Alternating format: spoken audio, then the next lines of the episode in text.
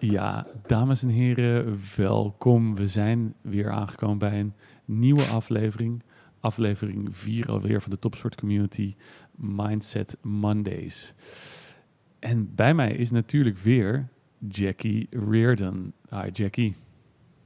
Nice to be back. Jackie, kunnen we eventjes heel kort samenvatten wat we tot nu toe hebben gedaan? We beginnen met ons mindset. We hebben een keuze. Verhaaldenken, actiedenken. Daarna is het uitermate van belang om goede self-management te hebben. Dat begint altijd met vriendelijkheid voor onszelf en voor anderen.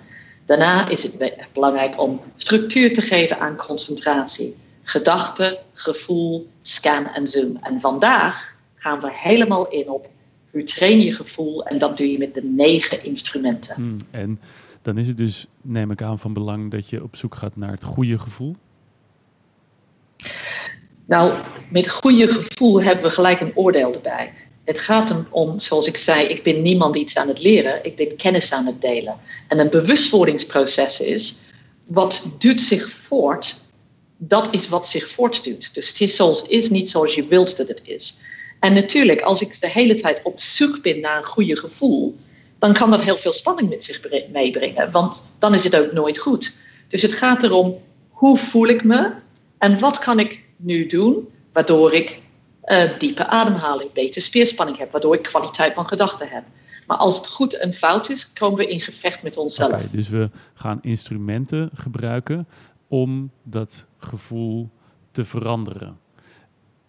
Is dat juist? Om in actie denken te en komen. Om daardoor in actie denken en in, daarin terecht te komen. Ja. En uiteindelijk, we hebben het tot nu niet genoemd, gaat het natuurlijk om. Iedereen wil betere resultaten in het leven. Maar wat ik beweer is als je constant bezig bent met ik wil die resultaten of ik wil dit of ik wil winnen, dan komt er gelijk spanning bij en het is in de toekomst. Terwijl als je terugkomt naar het nu en je hebt een gevoel van dit kan ik, mijn spieren zijn er klaar voor, mijn ademhaling, ik, ik voel dat dit is een plezierige uh, uh, attempt, um, poging wat ik doe. Ik doe alles wat ik kan. Dan krijg je ook nog plezier met presteren. Yes, inderdaad, tijdens een prestatie kan het soms heel erg voelen als waarom ben ik dit nou eigenlijk aan het doen? Waarom vind ik dit nou eigenlijk leuk? Ik hoor dit leuk te vinden, maar het is op dit moment helemaal niet leuk. Omdat je zoveel druk en zoveel spanning ervaart. En je uh, hebt daar in je boek over een um, stuk over Roger Federer geschreven. Kun je dat nog heel kort herhalen? Nou, Roger Federer geeft heel duidelijk aan, keer na keer in iedere interview, dat hij wil winnen van zichzelf. En dat is iets dat mensen niet zo goed begrijpen. En tot zijn 21ste was hij altijd, uh, hij, ik weet niet of je het weet, maar hij was gewoon echt zo kwaad en woedend op de baan. Hij had een hele slechte uh, temperament. En dat kan je bijna niet voorstellen van deze man nu. En iets heel bijzonders, uh, heel triest is gebeurd in zijn leven. Uh, heel triest. Hij is zijn mentor en zijn coach kwijtgeraakt door kanker. En dat heeft een volledige verandering in zijn mindset gebracht. Hij heeft iedere wedstrijd, speelt hij, zegt hij zelf, om uit, ten ere van zijn coach, die hem altijd vertelde: wees vriendelijk, doe je best, etc. Hmm.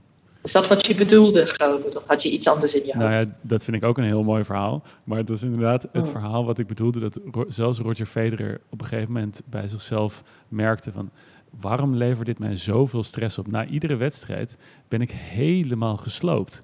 En niet omdat hij, mm. niet omdat hij uh, nou eenmaal zo een paar uur op de baan had gestaan, maar helemaal uitge, uitgevrongen omdat hij zichzelf zo druk heeft gemaakt en zoveel spanning heeft opgelegd tijdens de prestatie. En er zijn dus instrumenten en manieren om die prestatie ook plezierig aan te laten voelen. En daar gaan we vandaag mee aan de slag. Ja, ik, ik, ik weet niet of plezierig de juiste woord zou zijn. acceptatie is een grote woord in deze. Um, Roger Federer onlangs in de Australian Open um, in januari, toen we nog konden sporten, um, gaf heel duidelijk aan: the demons were in my head wanneer hij achter stond in de wedstrijd. Dat gaf hij aan in een interview met Jim Courier. Want ik was alsmaar bezig met: ja, deze wedstrijd heb ik verloren. Dat zegt hij zelf. Alleen hij begint kaart te lachen wanneer hij dat zegt. Wanneer je leert je gedachten te herkennen, dan zijn ze niet zo zwaar meer. En dan ga je naar je gevoel. Nou, wat is je gevoel? Dat ga ik nu proberen tastbaar te maken. Wat, hoe kunnen we trainen? De juiste trigger words te gebruiken. Dus bijvoorbeeld Serena Williams voor iedere wedstrijd schrijft trigger words voor haarzelf op waar ze haar aandacht wil hebben. En dat lezen voordat ze de baan op gaat. Ze zijn altijd anders bij haar. Sommige mensen hebben allemaal hetzelfde. Zij verandert iedere keer. Ze voelt, waar wil ik nu mijn aandacht hebben? Ze weet dat ze een mens is en ze weet dat ze gaat vergeten. Mhm. Dat doen we allemaal. Dus ze schrijft het op. En dan heeft ze bijvoorbeeld laag zitten, plezier hebben. Uh, Andy Murray, die heeft heel duidelijk, wees aardig voor jezelf, zet, zet hij erop. Nou, dat kan bijna niemand geloven, want hij is natuurlijk, hij gaat uit zijn dak iedere keer naar zichzelf. Waarom? Omdat hij vergeet. Roger Federer vergeet het ook. Het is helemaal niet erg als je het vergeet. Dus trigger words, Ja. waar wil je Dat is, hebben? dat is een, eh, die heb je mij 13 jaar geleden heb je me die ook al geleerd. En die heeft een hele grote impact gehad. Met name omdat ik zag dat Nadal, dat liet je een filmpje van zien, dat Nadal zo'n triggerword voor zichzelf heeft. Vamos. Elke keer. Als Ja. hij, zelfs wanneer Ja. hij iets slechts heeft gedaan, dan zegt hij daarna vamos. En Ja. dat, dat heb ik overgenomen. En dat werd voor mij nu gaan. En, en Ja. die merk ik gewoon nu nog, nu nog steeds. Dat elke keer wanneer, die, wanneer ik die zeg, dan merk ik weer, bam, oké, er komt een soort energie. Ja. Elke keer. En Ja. moet je wel trainen. Het duurt wel eventjes voordat zo'n triggerwoord gaat werken voor je. Ja, en wat zo ontzettend gaaf is, is je gaat voelen welke energie je nodig hebt. Want ik, kijk, mijn energie is best wel hoog. Ik, ben, eh, ja, ik hou van het leven, ik heb die passie. Dus wabbels voor mij is juist niet de goede. Want ik ben al vermos, als je Ja, ja, bedoel. Dus voor mij is het, oké Jack, you can do this. Oké Jack, ja, weet je, dat soort. En ik zeg het bijna, het is een of human orchestra. Dus je gaat jezelf leren spelen als een viool. Ja? En je gaat voelen welke triggerword past bij welke moment. Oké? Dus je hebt triggerwords. En ik weet dat ik allemaal eenvoudig klinkt. En ik weet dat mensen dit weten. En ik zeg oefen iedere dag. Het gaat zoveel opleveren. De tweede is visualisatie. Nou, dat, daar gaan we een hele podcast aan besteden. Dus die ga ik nu skippen. Maar het is echt extreem van belang dat je ziet voor je. Hoe wil ik dat ik eruit zie? Van, hoe in godsnaam kan je naar iets toewerken als je niet weet hoe het, hoe het eruit moet zien? Dus dat, dat is belangrijk om te creëren in je mind. Super gaaf om te doen. Ademhaling is in principe de nummer één uh, instrument. Uh, daarom geef ik ook heel veel aandacht aan uh, meditatie. Maar dat is ook veel later in de podcast. Gaan we nu skippen. Sfeerspanning is zo gaaf. Onmiddellijk iedereen nu voel. Waar zijn mijn spieren? Wat doet mijn schouders? Wat doet mijn tong? Uh, hoe zijn mijn uh, kalf? Uh, wat kalf? Koud. Koud. Ja, hoe zijn mijn kouten, mijn bovenbenen? Al die dingen. En dit zijn gewoon leuke dingen om constant die check-in te doen. Waardoor je energie gaat vloeien en stromen. Dus speerspanning. herstelmoment. Iedereen denkt dat dat lauw is. Dat je time-out gaat nemen. Dat je niks doet. Jeetje mine, je brein heeft die tijd nodig. Je lichaam heeft die tijd nodig. Wees bewust van je herstelmomenten. Wij kunnen niet langer concentreren dan anderhalf uur achter elkaar. Dus zet je bloody wekker. Sorry, excuse my French. En stop. En ga voor 10 minuten naar mooie dingen kijken. Herstelmomenten zijn zo belangrijk. Dan heb je rituelen. Dit ga je uh, soms vergeten. Dus je, je bouwt rituelen in. Wanneer ik mijn kantoor binnenkom voor deze podcast, alles is klaar, zodat ik zo vrolijk ben. Ik weet waar mijn ogen naartoe gaan. Dat is een ritueel die ik mijzelf heb aangeleerd voordat ik iets doe uh, waarin ik kennis wil delen, waardoor ik dat op een zuivere manier doe. Dus een goede ritueel zorgt dat ik me veilig voel, gelukkig voel. En ja? bijvoorbeeld, Dan heb je... kun je daar een, uh, een voorbeeld, bijvoorbeeld uh, Nadal heeft een set hele gekke rituelen. Iedereen heeft daar een enorme oordeel over. Uh, want ze zeggen ook dat het eigenlijk uh, dwanggedrag is. En weet je wat ik zeg? Nadal heeft dat voor zichzelf ontworpen als een veilige vangnet van zijn energie. Dus hij stapt altijd met zijn rechtervoet over de lijn heen. En hij rent altijd van het net naar achteren in het begin van de wedstrijd. En hij trekt altijd aan zijn broek en daarna zijn zweet weg op zijn schouder. Dat zorgt ervoor dat hij zich heel veilig voelt in het nu. Hij geeft al zijn handelingen kwaliteit. En is het dat ik vind dat iedereen dat moet doen? Natuurlijk niet. Wat ik heb gezegd aan het begin van deze podcast is: wees een master van jezelf.